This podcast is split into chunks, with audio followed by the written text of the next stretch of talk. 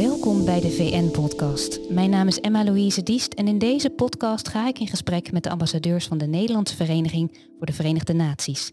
Interviews met bekende mensen die werkzaam zijn binnen verschillende vakgebieden, maar zich allemaal verbonden voelen met het werk van de VN. Ja, ik word bijgestaan door Simone Filippini, voorzitter van de NVVN. Iemand die alles weet over het werk van de Verenigde Naties. Heel fijn dat je er bent. Welkom. Ik vind het ook heel leuk dat ik erbij ben. Ja, want die kennis hebben we nodig. Ja, en de hoofdgast is vandaag Tanja Jes, actrice, presentatrice en columniste.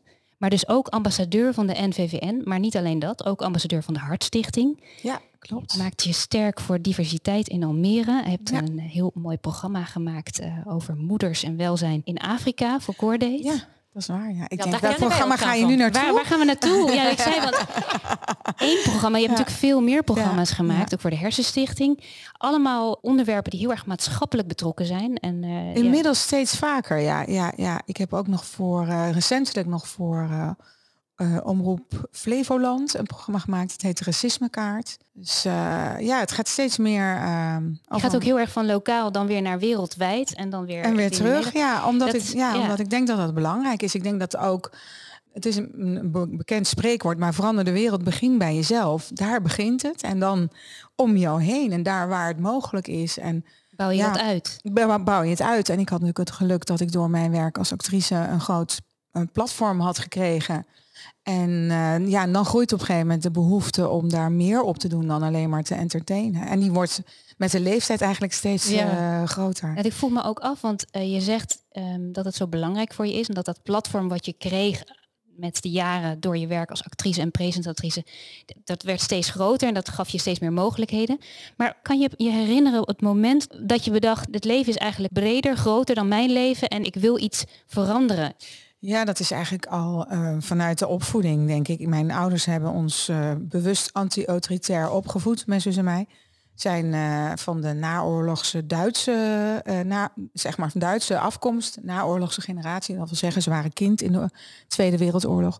En die um, generatie in Duitsland was sowieso heel politiek en maatschappelijk geëngageerd omdat zij heel erg uh, die visie hadden en, en die wetenschap van ja, weet je wel, het kan heel erg misgaan en wij mogen dit niet meer laten gebeuren. En voelde je dat als kind al? Die, ja, zeker. Ja, ja, die verantwoordelijkheid is ons echt met een paplepel ingegoten. Dus uh, ja, dat is ons eigenlijk al van jongs af aan verteld. Van je hebt als burger een verantwoordelijkheid. En als jij onrecht waarneemt en, en je doet niks, dan ben je onderdeel van het probleem. Ja. En dat zal je waarschijnlijk dan ook al hebben gemerkt toen je klein was. Want onrecht heb je dan, daar, kom, ja. daar word je ook mee geconfronteerd als ja. je klein bent. Ja, op kleine schaal. Nou, en het zegt, ik werd ook regelmatig uh, de klas uitgestuurd omdat ik het dan weer voor iemand opnam.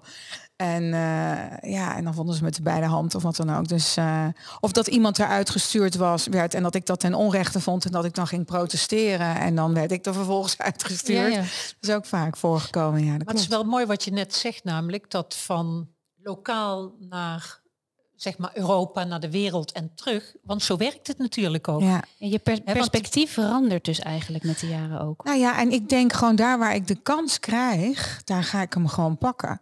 Als het een onderwerp is wat ik belangrijk vind, wat me aan het hart gaat. En uh, bepaalde thema's, uh, met name zoiets als racisme, is volgens mij heel belangrijk om dat ook lokaal aan te pakken. Dus toen uh, um, Omroep Flevoland mij vroeg van, ja, wil je daar aan meewerken? En het was eigenlijk mijn collega uh, Mo die mij benaderde. Die had ik alweer uh, vanuit mijn ambassadeurschap, uh, diversiteitsambassadeurschap in Almere, wat hij ook is, kennen we elkaar al. En we hadden elkaar ook al eerder in de wandelgangen wel eens ontmoet. en hij vroeg mij eigenlijk van, heb je zin om dit samen met mij te doen? En daar hebben we dus allemaal mensen uit um, Flevoland geïnterviewd prominente mensen over ongelijkheid, over institutioneel racisme. Maar we zijn ook de straat op gegaan met, en hebben letterlijk de racismekaart getrokken.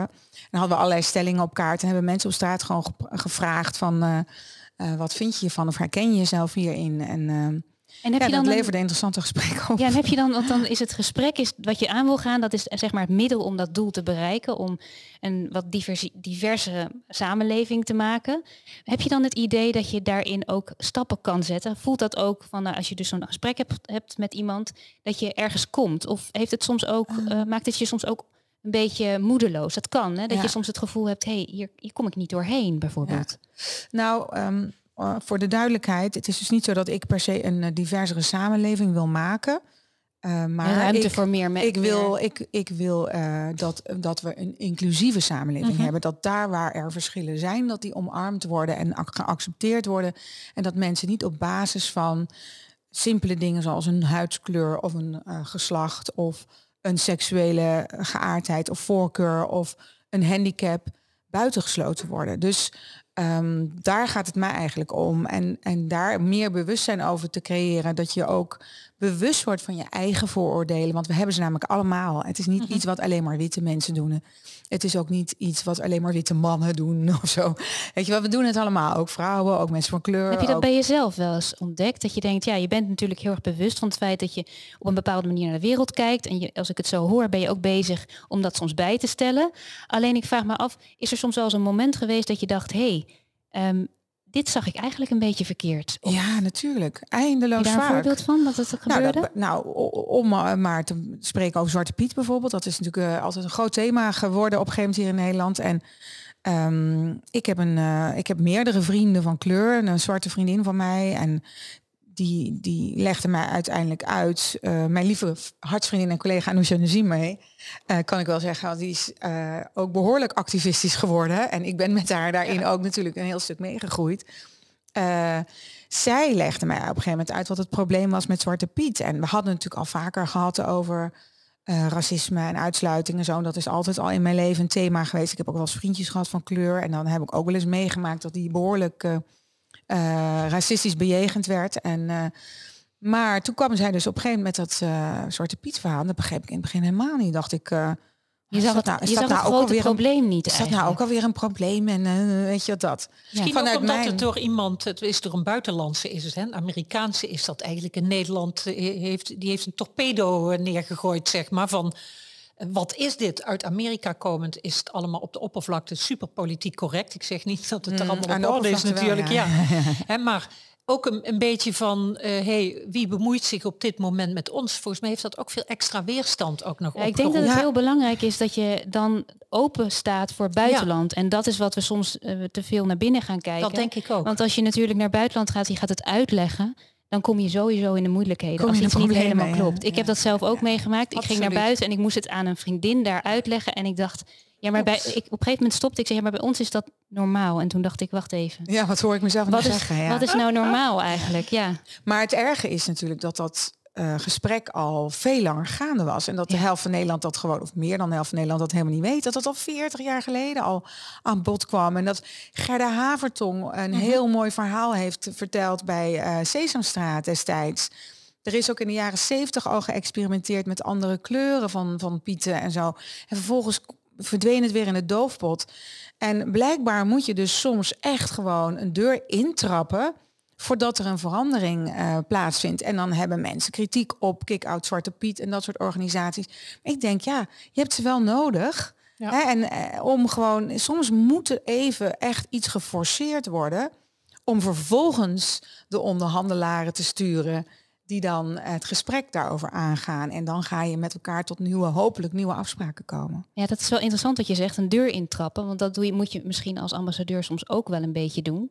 In die zin dat mensen naar jou kijken. En als jij natuurlijk bepaalde ehm, dingen onderneemt die gewoon wat teweeg brengen, dan zal je misschien iets kunnen veranderen. Heb, in wat, wat voor opzicht vind jij het belangrijk dat je deuren intrapt en welke deuren kies je? Bijvoorbeeld? Nou, ik zie mijzelf meer als het paard van Troje. Dus ik ben meer een soort infiltrant. Want het is heel geraffineerd zo. pak jij nou, het gewoon Ja, nee, ik, ik, ik heb gewoon gekeken van oké, op wat voor manier kan ik nou het uh, grootste verschil maken? En ik denk dat doordat ik in zo'n hele commerciële populaire soap bekend ben geworden in Nederland, um, heb ik nog steeds een fanbase die heel breed is. Dus uh, ook heel erg afwijkt van hoe ik uh, zelf ben en ben opgevoed en opgegroeid. En ik denk dat ze in alle geuren en kleuren, weet je, iedereen keek vroeger naar GTST. Van, ik had fans van drie en fans van 83. Uit en, alle lagen van de bevolking? Uit alle lagen van de bevolking, van alle verschillende politieke uh, partijen, opvattingen, et cetera dat is denk ik mijn kracht, dat ik nu nog steeds mensen kan bereiken die de gemiddelde nou ja, ik zou mezelf geen activist willen noemen, maar de gemiddelde activist, zeg maar, in, vanuit de antiracisme beweging of uh, weet ik veel, uh, vrouwenemancipatie of noem maar op, die, die bereikt die groep niet. En ik wel. Ik moet dus heel voorzichtig zijn met hoe ik dat dan aanpak, want ik wil ze ook niet kwijtraken. En hoe, hoe merk je dan um, dat je dat je contact hebt met deze mensen? Want het is natuurlijk ja, via ook social media. Je krijgt echt berichten ook. Ja, dat is natuurlijk het mooie van social media tegenwoordig. Uh, kan je uh, rechtstreeks, en dat is ook het euvel ervan, uh, contact hebben. ja, maar je kan dus ook je eigen platform creëren. Iedereen kan zijn eigen platform creëren. Als jij maar genoeg interessante content post, dan kan, hoef je ook niet al bekend te zijn om, uh, om veel mensen te kunnen bereiken. Dus dat is het nieuwe van deze tijd, wat uh, zeg maar een soort van power to the people. Ja, dat is maar, mogelijk dus om op die is manier mogelijk, uh, ja. En, en, al, en als je dan al een, een zetje hebt gekregen omdat je al bekend was van televisie, dan is het natuurlijk nog sneller. Heb je wat, wat grotere scharen volgers. Maar daar zit natuurlijk ook, wat jou betreft, zit daar geloofwaardigheid en integriteit in. En want je hebt natuurlijk ook veel mensen die de sociale media misbruiken op dit moment om mensen te misleiden in feite. Ja, daar, dus, dus het is heel belangrijk wat jij meebrengt, is geloofwaardigheid, integriteit. Nou ja, en, dat, mensen die misschien uh, door algoritmes eigenlijk alsmaar dezelfde informatie krijgen en bevestiging van hun overtuigingen, door mij misschien af en toe net, net ander geluid uh, horen waar ze niet op hadden gerekend, maar wat ze wel uh, per ongeluk dan toch in een uh, tijdlijn uh, te zien krijgen. En ben je dan heel erg bewust van het feit, ben je bezig met wat je dan uitzendt? Want, je, want jij ja. staat eigenlijk als een soort mediator ertussen. Je hebt het grote probleem, jij bent je daarvan bewust, of in ieder geval in hoeverre dat belangrijk is en het een probleem is en het veranderd moet worden. En dan heb je dus de mensen die misschien onwetend zijn, misschien um, het te groot vinden, dat is heel abstract natuurlijk. En jij staat daartussen als een soort vertaler Um, ja. eigenlijk, dat doe je ook als actrice. Ja. ja, weet je wel. Ja. Ik ben benieuwd, ben je dan ook aan het kijken van nou dat vertel ik op die manier of dat vertel ik, uh, doseer ik bijvoorbeeld? Want als je het hebt over hele grote onderwerpen, je kunt natuurlijk niet alleen pijn en verdriet laten zien. Dat is heel, heel zwaar. Nou, ja. het is, het is uh, wel zo inderdaad. Ik ben me daar steeds meer bewust van. Ik was dat in het begin niet. Ik weet nog dat wij in 2014 die Piet Makeover actie op touw zetten met een groepje mensen en uh, uh, toen was het gewoon met een gestrekt been de discussie in. En uh, ja, waarom begrijpen jullie dit nou niet? Hart en, tegen hart. Ja, hoe, zoals ik eigenlijk van nature in eerste instantie ben. En ook, uh, ik ben, kom ook uit een milieu waarin altijd pittig gediscussieerd werd. Dus dat was ook een soort, dat werd ook bijna gecultiveerd. Zo van, nou ja, als je bent ergens voor of je bent ergens tegen... en dan ga je met vuur, ga je dat verdedigen. En, en ik heb gemerkt dat ik daar ja, dat, dat het op een gegeven moment een gesprek vastloopt. Dus wat een beetje overkill. En uh, op momenten zie je, het lijkt als iedereen met een gestrekt been discussieert. En ik denk, het is eigenlijk een gemiste kans dat we niet al op school leren om beter met elkaar te communiceren. En het gesprek in, uh, in, in, zachtheid uh, voeren en elkaar echt proberen te horen. Eigenlijk ook een beetje leren debatteren. Ja, dat, dat, dat, dat doen wij natuurlijk in Nederland niet meer zo heel erg. Nee, en, en, en, en ik zou eerder, ik zou niet eens willen zeggen debatteren. Ik zou eh, willen zeggen leren luisteren. Echt leren luisteren naar elkaar. Want de, de helft van de tijd ontstaan conflicten omdat mensen elkaar niet gehoord hebben. Ik denk ook wel dat je een bepaalde taal moet vinden die je allebei spreekt. We spreken ja. natuurlijk wel alle, je spreekt wel dezelfde taal, maar dat, daar zitten nuances in natuurlijk. En ja. als je natuurlijk woorden, zinnen, intonatie, dat moet je aan elkaar ja. aanpassen. Nou ja, en het is verschrikkelijk moeilijk omdat er zoveel emoties onder liggen. He, zeker als het gaat, dan gaan we even terug naar het thema racisme. Uh, daar zit zoveel pijn onder, zoveel onrecht, al zoveel decennia lang. Um, je kan bijna niet van iemand verwachten. Het is, is bijna bovenmenselijk eh, om van iemand te verwachten dat hij dan uh, in, in, op een neutrale en liefdevolle manier, vol begrip, dat gesprek in. Heel rustig, ja. Wat ik dan wel bijzonder vind, want je zegt er zit zoveel pijn en verdriet. En als ik het zo hoor, dan lijkt het bijna, dan voel ik het bij jou ook. Hoe, want dat is dus denk ik ook moeilijk, dat als je een uh, discussie aangaat met iemand die het echt heeft meegemaakt, of ook um, de familie heeft meegemaakt. Dus het zit echt oud pijn ook. En iemand die er, zich daar dus niet van bewust is, maar ook het niet voelt. En jij bent iemand die het wel voelt, maar niet direct. Uh, dus aan de lijf heb ervaren. Nee, Niet, niet op die manier. Is, het een, eh, is er een andere ervaring of iets anders waar het op aanhaakt, waardoor je wel nou, die denk, pijn voelt? Ik denk dat ik een, eh, een, een, een, een bepaalde schakel kan zijn in dit gesprek, omdat ik wit ben. En dat ik daardoor andere witte mensen uh, makkelijker bereik. En die mij ook makkelijker horen. Want ik ben niet, ben niet uh, zeg maar iemand van kleur die dan in hun ogen denkt van het slachtoffer gaat lopen uithangen, zoals het dan soms uh, benoemd wordt. Hè, zeg ik nu even tussen aanhalingstekens. Ik ben dus niet het slachtoffer, maar ik neem het op voor en, en ben behoort tot de groep van degene die dan aan de andere kant staat.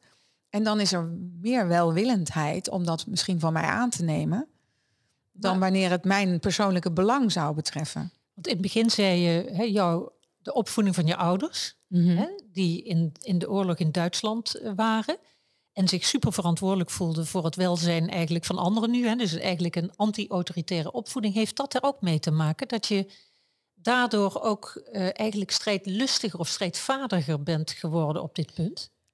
Nou ja, dat je in ieder geval eh, je onderdeel van het geheel voelt. En het feit dat ik uit een Duits gezin kwam en als kind in Nederland kwam wonen, heeft ook ervoor gezorgd dat ehm, termen zoals slecht en goed, weet je wel, kwaad eh, en goed en zo, dat dat eh, heel erg relatief is. En dat ik dat op jonge leeftijd geleerd heb. Er zijn heel veel goede mensen slechte keuzes maken. En er zijn heel veel slechte mensen die goede keuzes maken. Hè, maar hebben misschien een alternative motive of zo, weet je wel. Eh, je- mensen kunnen om verschillende redenen eh, iets goeds doen. Dat is niet per se vanuit de juiste overtuiging. Maar ze doen dan wel iets goeds. En hoe maak jij je keuzes? Ook als ambassadeur bijvoorbeeld. Ik denk dan, eh, dat is ook een begrip van de meeste mensen denken, ja, ambassadeur is iets, ook iets heel erg abstracts eigenlijk. Maar je bent de stem dan op dat moment van zo'n organisatie. En hoe maak jij dan de keuzes op zo'n moment? Wat je doet en wat je, wat je gaat ondernemen. Ben je daar heel erg mee bezig? Of is het ook Op wat je op je pad komt Op gevoel denk ik, ja nee, ik, ik kies natuurlijk wel bij welke organisatie ik me aansluit. En eh, dat zijn thema's die ik belangrijk vind. Ik probeer nu wel iets meer eh, focus te creëren. Want op een gegeven moment, weet je, wordt er zoveel voor alles, organisaties eh, benaderd. werken, en, ja. en het is allemaal fantastisch werk, weet je wel. En dan sta je de ene keer daar, en de andere keer daar, en de andere keer daar. En op een gegeven moment heb ik gezegd, oké, maar wat zijn voor mij nu de thema's waar ik, waar, waar ik me het meest bij betrokken voel en waar ik het gevoel heb dat ik ook een verschil zou kunnen maken. En daar ga ik een beetje op inzoomen. Dus als ik nou kijk naar eh, de NWVN, waar ik voor de SDG's, eh even kijken, 3, 5 en 10 geloof ik zijn dat uit mijn hoofd. Dus minder ongelijkheid, gendergelijkheid en gezondheid en welzijn voor iedereen eh, sta. Daar zit ik bij de Hartstichting natuurlijk ook voor gezondheid, maar dan met name het vrouwenhart. Dus dan gaat het ook weer over gendergelijkheid. In Almere eh, ben ik natuurlijk een van de diversiteitsambassadeurs. Dus daar gaat het over diversiteit in de breedste zin van het woord. Dus ook vrouwen. Dus dat, ook, dat, ehm, die afbakening die werkt bij jou dus wel heel goed. Dat je het gevoel hebt, daar focus ik Nou, ik denk op. dat dat wel Ja. belangrijk is. Op het moment dat je echt een verschil wil gaan maken en een heldere boodschap wil gaan eh, uitdragen, dan zal je dat moeten doen. Want Die anders wordt het is belangrijk. Ja, anders wordt het veel te diffuus. En eh, mensen moeten op een gegeven moment ook snappen waar je voor staat. Ja, want ik, dan, heb, dan kun je je verhaal goed brengen. Ja. Ehm, heb je ook wel eens, in- eh, wel eens gehad dat je, dat je het gevoel had, je, wil, je zei net, ik wil graag verschil maken, maar dat dat verschil, dat dat niet, dat het niet lukte en dat je dus jouw verhaal moest veranderen. Is dat, is dat moment wel eens bij jou geweest? Ja, ik vind dat heel moeilijk als het niet lukt. Nou, dat, dat zeg ik misschien te hard, maar dat je het gevoel hebt, het, het effect van mijn handelen, dat is, dat is niet het effect wat ik zou willen. Het heeft niet gewerkt of Het heeft niet gewerkt. En dan heb ik het gewoon over kleine dingen, maar dat je denkt, wacht even, ik moet mijn verhaal Mm. ja, bijstellen. Jawel, jawel. Nou, ik denk dat ik het in de, in de meest heftige vorm heb meegemaakt op het moment wat, dat wij dus die, die Piet Makeover actie gingen starten en je dan in één klap zo'n gigantische hoeveelheid haat over je heen kreeg vanuit social media. Eh, en überhaupt, eh, dat, dat was ik natuurlijk helemaal niet gewend. En daar ik kon er wel een beetje anticiperen dat, dat er wel wat kritiek op zou komen, maar in die mate, dat had ik niet zien, eh, niet zien aankomen. En je, je weet ook niet wat dat met je doet voordat het gebeurt. Het is echt vervuiling van je ziel. En het tast je echt aan, echt heel diep van binnen. Dat is, dat is helemaal niet fijn, want je zou willen zeggen tegen al die trollen van, "Pff, je raakt me niet, maar het is niet waar. Het raakt wel. Tast ook je vertrouwen aan. Doet heel veel, het doet echt eh, pijn en je kan je echt slecht gaan voelen. En mijn man was ook betrokken bij die actie, dus wij zaten allebei echt met al die uh, negativiteit die dan in hele korte tijd op je uitgestort wordt, dat doet gewoon echt iets met je. Hebben echt op een gegeven moment ook moeten zeggen, oké, okay, shitting allemaal even uit. En even tot onszelf komen, want dit is too much. Maar als ik dat dan weer vergelijk met uh, mijn vrienden, collega's van kleur die betrokken waren bij deze actie, was wat de shit die ik kreeg, was, een milde vorm. Ja, ja, want zij kreeg gewoon doodsbedreigingen. Ze had de BVD op de soep staan en, en ze had gewoon dingen, mensen die dingen in haar brievenbus bij haar privéadres uh, stopten. Dat was echt nog wel van een andere orde, orde van grootte. Dus en hoe ik daarmee in ben gestapt, zeg maar, en hoe ik de gesprekken ben aangegaan met mensen in eerste instantie. Uh, daar heb ik wel geleerd van, oké, ik moet iets meer afstand nemen. Ik kan niet met iedereen een discussie aangaan. Dus en weer die focus heel belangrijk dus? Ja, en ik heb ook wel gemerkt dat ik uh, veel meer bereik als ik uh, iedere keer denk, oké, want dat is er namelijk ook zo. Dat is het interessante. Het zijn niet per se slechte mensen, hè? Die die, die, die uh, opvattingen erop nahouden van, waarvan ik denk, ja, dat is, dat is inhumaan.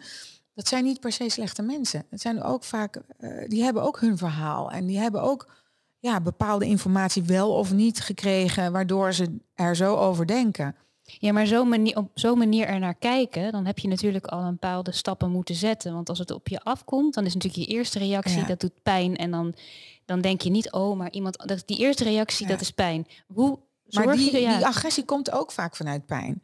Om een heel concreet voorbeeld daarvan is dat Charlie had op een gegeven moment iemand die hem op Twitter echt op de man de hele tijd zat te uh, af te branden en echt persoonlijk werd. En zei, ja, weet je, ik kan uh, mijn muziek niet leuk vinden of whatever, dat mag allemaal best. Maar deze zit mij gewoon op de man af de hele tijd te pakken. Wat is het voor een lulde behanger? Die ga ik in elkaar beuken.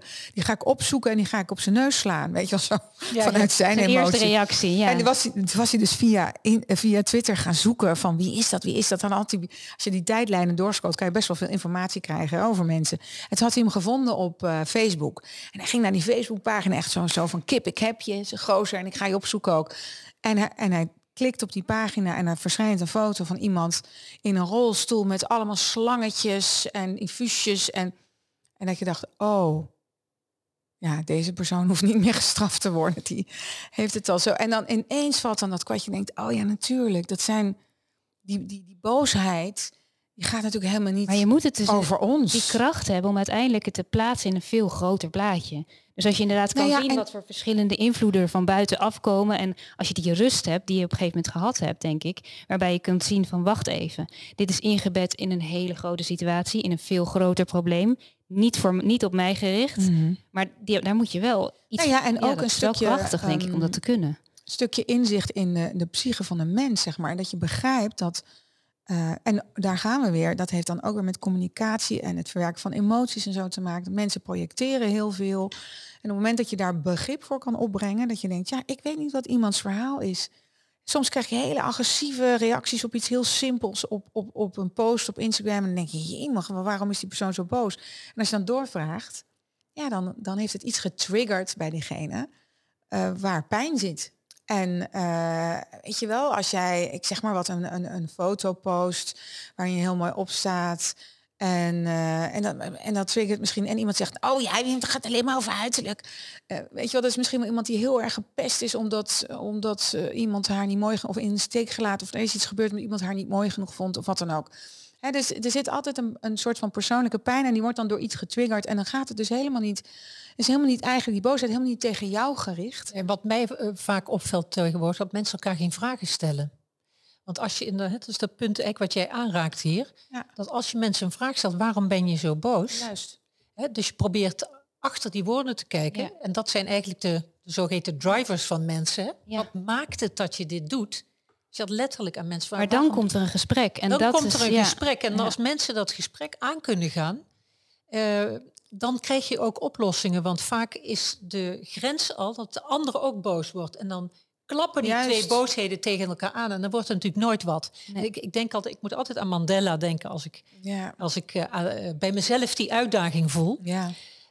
Dat ik denk, oké, okay, mensen mogen emoties tonen.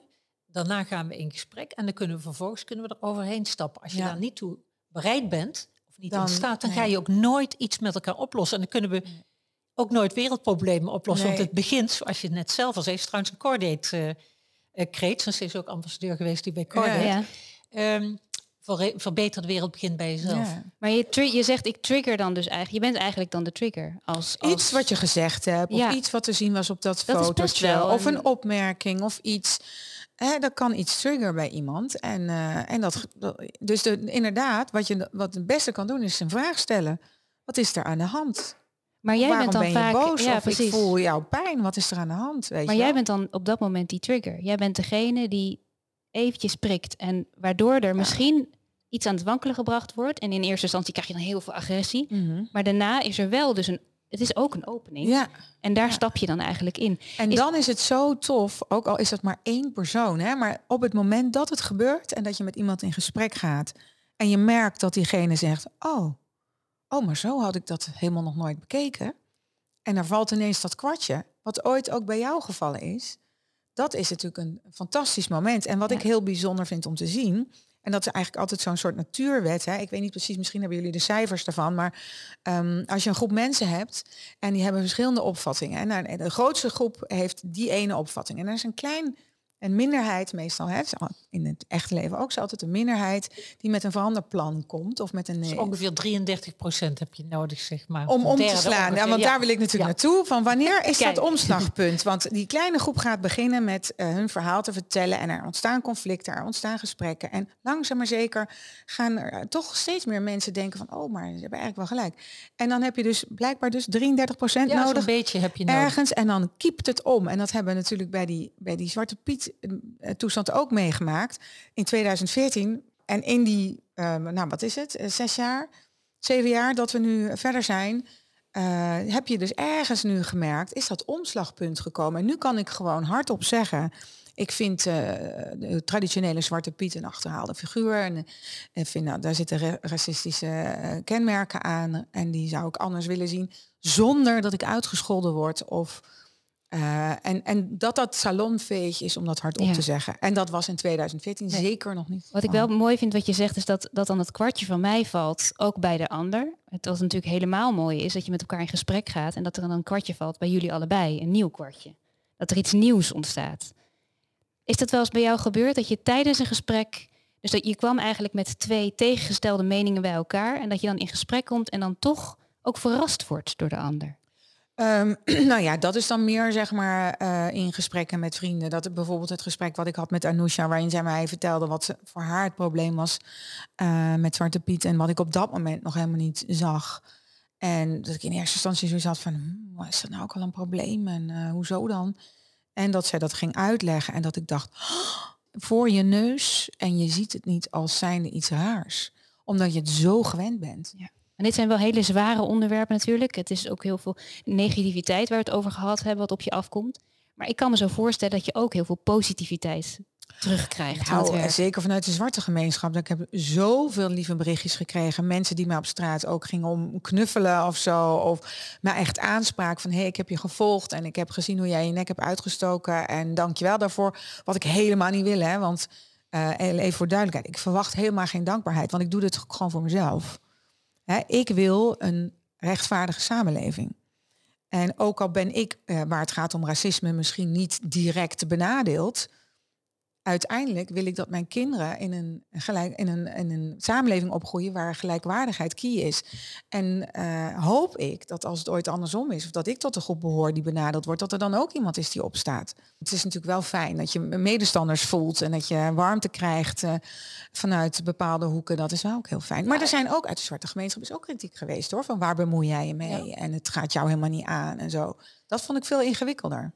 Ja, het zijn wel tegenstrijden dingen die op je afkomen. Die moet je allemaal verwerken. Nou, dat je op een gegeven moment soort van gesandwiched wordt tussen de, de, de, de groep witte mensen die, hè, die uh, racistische, onbewust of onbewust racistische ideeën op nahouden. En dan die zwarte gemeenschap die zoiets heeft van, oh, moet jij nou zo nodig hiervoor oplopen? Donder eens op, weet je wel. En bemoei je er niet mee. En dat je dacht, hé, hey, maar hoe? Uh, waar, hoe verhoud ik me hier nu toe? Dat vond ik veel. En wat is dan het eerste waar je naar teruggrijpt om weer een beetje die zekerheid te vinden van, nou ja, dat wil ik doen en daarvoor ga ik vechten? Want ik neem aan dat als je dus zo al die invloeden van buitenaf krijgt, want dat is ook als je openstelt, is dat natuurlijk wel de consequentie. Dan komt er heel veel binnen. En dan moet je soms denk ik even jezelf bij jezelf te raden gaan. Waar wil ik naartoe? Sommige dingen helpen daarbij. Wat helpt, helpt jou ja, daarbij? Je, je, je thuis, uh, je partner, je gezin. Ja. Dat is natuurlijk de veilige haven van waaruit je... En gelukkig delen mijn man en ik echt wel, wel dat soort opvattingen met elkaar. Dus ik denk dat het heel lastig is als je daarin uh, verschilt van elkaar. Um, en wij, wij hebben allebei een heel sterk gevoel voor rechtvaardigheid. En dat is ook een van de dingen die ik het meest aantrekkelijke aan hem vind. Dat hij ook niet bang is om zich uit te spreken. Ook al zegt de hele bubs rechts en hij denkt nee, het moet echt links zijn. Dan durft hij dat te zeggen. Dat hebben niet zo heel veel mensen. Dus durf is ook wel heel belangrijk hierin, denk ik. Ja, je moet wel moed hebben, moet even net een uh, stapje ontwikkelen. willen zetten. Maar Ja. dat is eigenlijk altijd als je op dingen voor, als je voorop vooraan de troepen loopt, dan moet je eigenlijk altijd moed hebben. En dat is, en je hebt bijvoorbeeld ook thema's aangedragen als de overgang. Dat is natuurlijk in Nederland een gigantisch taboe in de hele wereld. Maar ook in Nederland gewoon iets wat meer dan 50% van de bevolking meemaakt. Hè, Menstruatie, hè, dus ongesteld overgang, al dat soort thema's, empowerment van meisjes op dat punt. Nou, die dingen stel je aan de orde, dan ben je Ja. ook een voorloper in. Het, net eh, die, net die thema's waar je, waar je mensen gewoon, ehm, waar mensen moeilijk over praten. nou, ze moeilijk op, maar Waar het het om ook lachen. pijn doet. We maken Ja. worden Nou ja, je wordt, Dat je wordt, uh, ja, je, uh, je wordt niet, uh, me, me, zeg maar, de overgang is niet iets wat heel aantrekkelijk gevonden wordt, zou ik maar zeggen. Nee. Dus je, je Nee, scoort geen ook- bonuspunten Nou, als je zegt je ik ben in de overgang. Nee, maar je kan je ook afvragen of, of dat moet. Of dat moet. Moet het Nee, dat altijd... hoeft natuurlijk nee, helemaal nee, niet, precies. maar- nou, maar nee. moet het altijd aantrekkelijk zijn? Maar omdat het niet Ja. aantrekkelijk is, is het een taboe. En Hè, is het ook uh, iets wat je benadeelt? ja, Eh, snap je? Dat, dat is het punt dat we in zijn onze vooroordelen over. samenleving toch nog steeds als vrouw aan bepaalde eh, maatstaven behoort te voldoen. Wil je echt die bonuspunten dus pakken waar ik het over heb? En dan heb je als vrouw, eh, als je hoog opgeleid bent of veel geld verdient, heb je echt strafpunten. In de datingmarkt, zal ik maar zeggen. Eh, overgang is niet iets wat, eh wat, wat je heel erg naar de top brengt. Nee, maar wat je daar zegt, de maatstaven, dat, dat is wel essentieel hierin, denk ik. Dat die maatstaven, daar moet aan veranderen. Dat, dat, dat moet veranderen. Het is niet dat je met man en macht een nieuwe taal verzint om daar wel aan die maatstaven te voldoen. Die Nee, maar dat is dus ook het. Dat Ja. betekent dus ook dat er een gesprek over gevoerd moet worden. Maar dan moeten eh, op een gegeven moment mensen zijn die durven eh, dat te doen en, en, en daar een nek voor willen uitsteken. En het kost je altijd. Het kost je altijd wat. Weet je wel? Op het moment dat je uitspreekt, in, zeker ook in mijn vak, weet je, wel, je, je halveert je fanbase. Want de mensen die het niet met je eens zijn, die vinden jou ineens niet meer leuk. Maar wat je terugkrijgt is dan veel meer waard, denk ik. Eh, nou ja, er moet ook nog brood op de plank, hè? Dus het is toch wel een spagaat. Maar je doet het in- wel.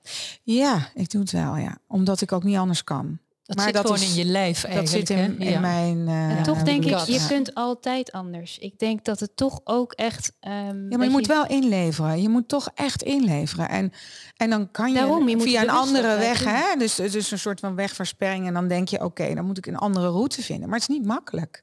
Het is niet makkelijk, want je hebt heel hard aan iets gewerkt. Je hebt daar een zekere mate van succes behaald. En je hebt je, eh, je pad eh geplaveid, zou ik maar zeggen. En dan wil je gaan oogsten. En dan gebeuren er ineens dingen. En dan moet je keuzes dingen. maken.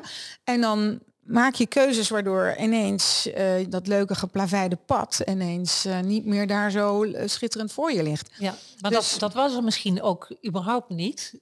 Omdat het pad misschien eigenlijk nooit zo geplaveid is als je dacht dat het was. ja, en ik weet het niet. gaat is jezelf makkelijk. weer heruitvinden. Ja. Als Ik je heb- zo in elkaar zit zoals Ja. jij, ik denk dat ik dat ook heb, dan kun je niet anders dan Uiteindelijk komt het eruit. Dat is wel zo. Ik heb denk ik wel heel lang eh, zo kunnen leven. Hè? Vanuit mijn geprivilegeerde positie als eh, eh, witte, westerse, bovengemiddeld intelligente, bovengemiddeld leuk uitziende vrouw uit een relatief welgesteld gezin komende, weet je wel, al die Ja, kansen alle gekregen. plusjes van eh, Joris Luijendijk, Ja, ik, ik, ben niet, ik heb geen eh, heftige ziektes of wat dan ook. Ik heb een gezond lijf, weet je wel. Dus al die heb ik. En eh, het was dan makkelijk natuurlijk om met die oogkleppen op gewoon lekker te focussen op je eigen ambities. En daar helemaal voor te gaan en zo door het leven te wandelen. Dat is je echt heel convenient. Het is echt heel fijn. Maar je zei kan er wel eens naar terug verlangen ook. Maar je Maar zei ja, dat de bewustwording toen je klein was er al een beetje in ja, zat. maar ik heb dat wel een tijdje lang zeg maar op een ander plan gehad, denk ik. Ik dacht dat ik denk dat ik toen echt gericht was op mijn carrière. Ik wilde als actrice doorbreken, et cetera. En daar lag mijn focus. En dat het was heel self-centered eigenlijk. Je bent dan met je persoonlijke ontwikkeling als actrice ben je dan bezig en zo, weet je wel. Het is allemaal heel groot en veelomvattend voor je gevoel op dat moment. En dat is het ook. Dat wil ik ook niet bagatelliseren. Alleen, ehm, ja, het bloed kruipt toch dan waar het niet gaan kan. Uiteindelijk komt het er dan toch weer uit. heb Maar je ik, een moment gehad waarbij je dat dan veranderde? Dat je in één keer dacht, ja, ik kan hierin door blijven gaan, maar ik kan ook dat andere pad ja, dat gaat nemen. geleidelijk aan natuurlijk. Ehm, maar ik, nee, ik denk dat echt een, de grootste omslag was dan in 2014 toen eh, we met die Piet Make- Makeover actie aan de slag gingen. Dat was denk ik het grote omslagmoment. Daarvoor was ik altijd al wel geëngageerd en deed veel voor goede doelen en inderdaad coordate en noem maar op. Maar dat is natuurlijk best veilig. Hè? Daar kan je niemand mee tegen de borst stuiten. Als je je inzet voor zwangere vrouwen en eh, pasgeboren babytjes, ja, dan doe je het volgens iedereen hartstikke goed. Hè? Dus dat is een hele veilige. Eh, dus dat was eigenlijk het moment dat ik me meer Ja. in, zeg maar, in het risicogebied ging begeven. En dat ik echt mijn nek uit En ging misschien steken. ook wel echt, dat je zegt je nek uitsteken, echt iets kon veranderen. Ja. Want als je natuurlijk zoveel reactie krijgt, Ja, dat, je wil dat eigenlijk wel. Niet per se negatieve, maar reactie is reactie. ja. Dus daar kwam dat toch weer, want ik ben dat wel als kind en als puber wel heel recalcitrant geweest. Hè? En was ik al heel feministisch en sprak me ook altijd over uit, ook op school en weet ik veel wat.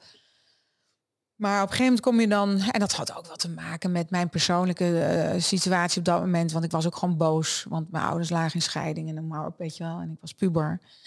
En, eh, en dan is dat ook, dan klopt dat heel erg bij je gemoedstoestand. En dan op een gegeven moment verandert dat en wil je iets bereiken in het leven en wil je je ontwikkelen in een bepaald vak en wil je daar goed in worden. En ja, wat ik zeg, dan ging daar dus de focus wat meer naartoe. En, en, en, ehm, en op het moment dat je dan ergens een beetje soorten met van geland bent, dan eh, ontstaat er dus ruimte voor. Ja. ehm, Oké, en eh, ja, en nu? En nu? En toen dat omslagpunt in, in 2014, dat klopte dan dus ook heel erg met je gemoedstoestand. Eigenlijk weer zo'n, dat eigenlijk alles een beetje samenvalt. Ja, ik was toen eigenlijk al bezig. Samen met Anousha waren wij bezig, hadden een boek geschreven, de Mama Match. En we probeerden wij een verandering teweeg te brengen in eh, de Nederlandse cultuur ehm, tussen moeders. Dus wij wilden eigenlijk een cultuurverandering eh teweeg brengen om, om vrouwen te motiveren en te inspireren om op een andere manier, hè, moeders te inspireren om op een andere manier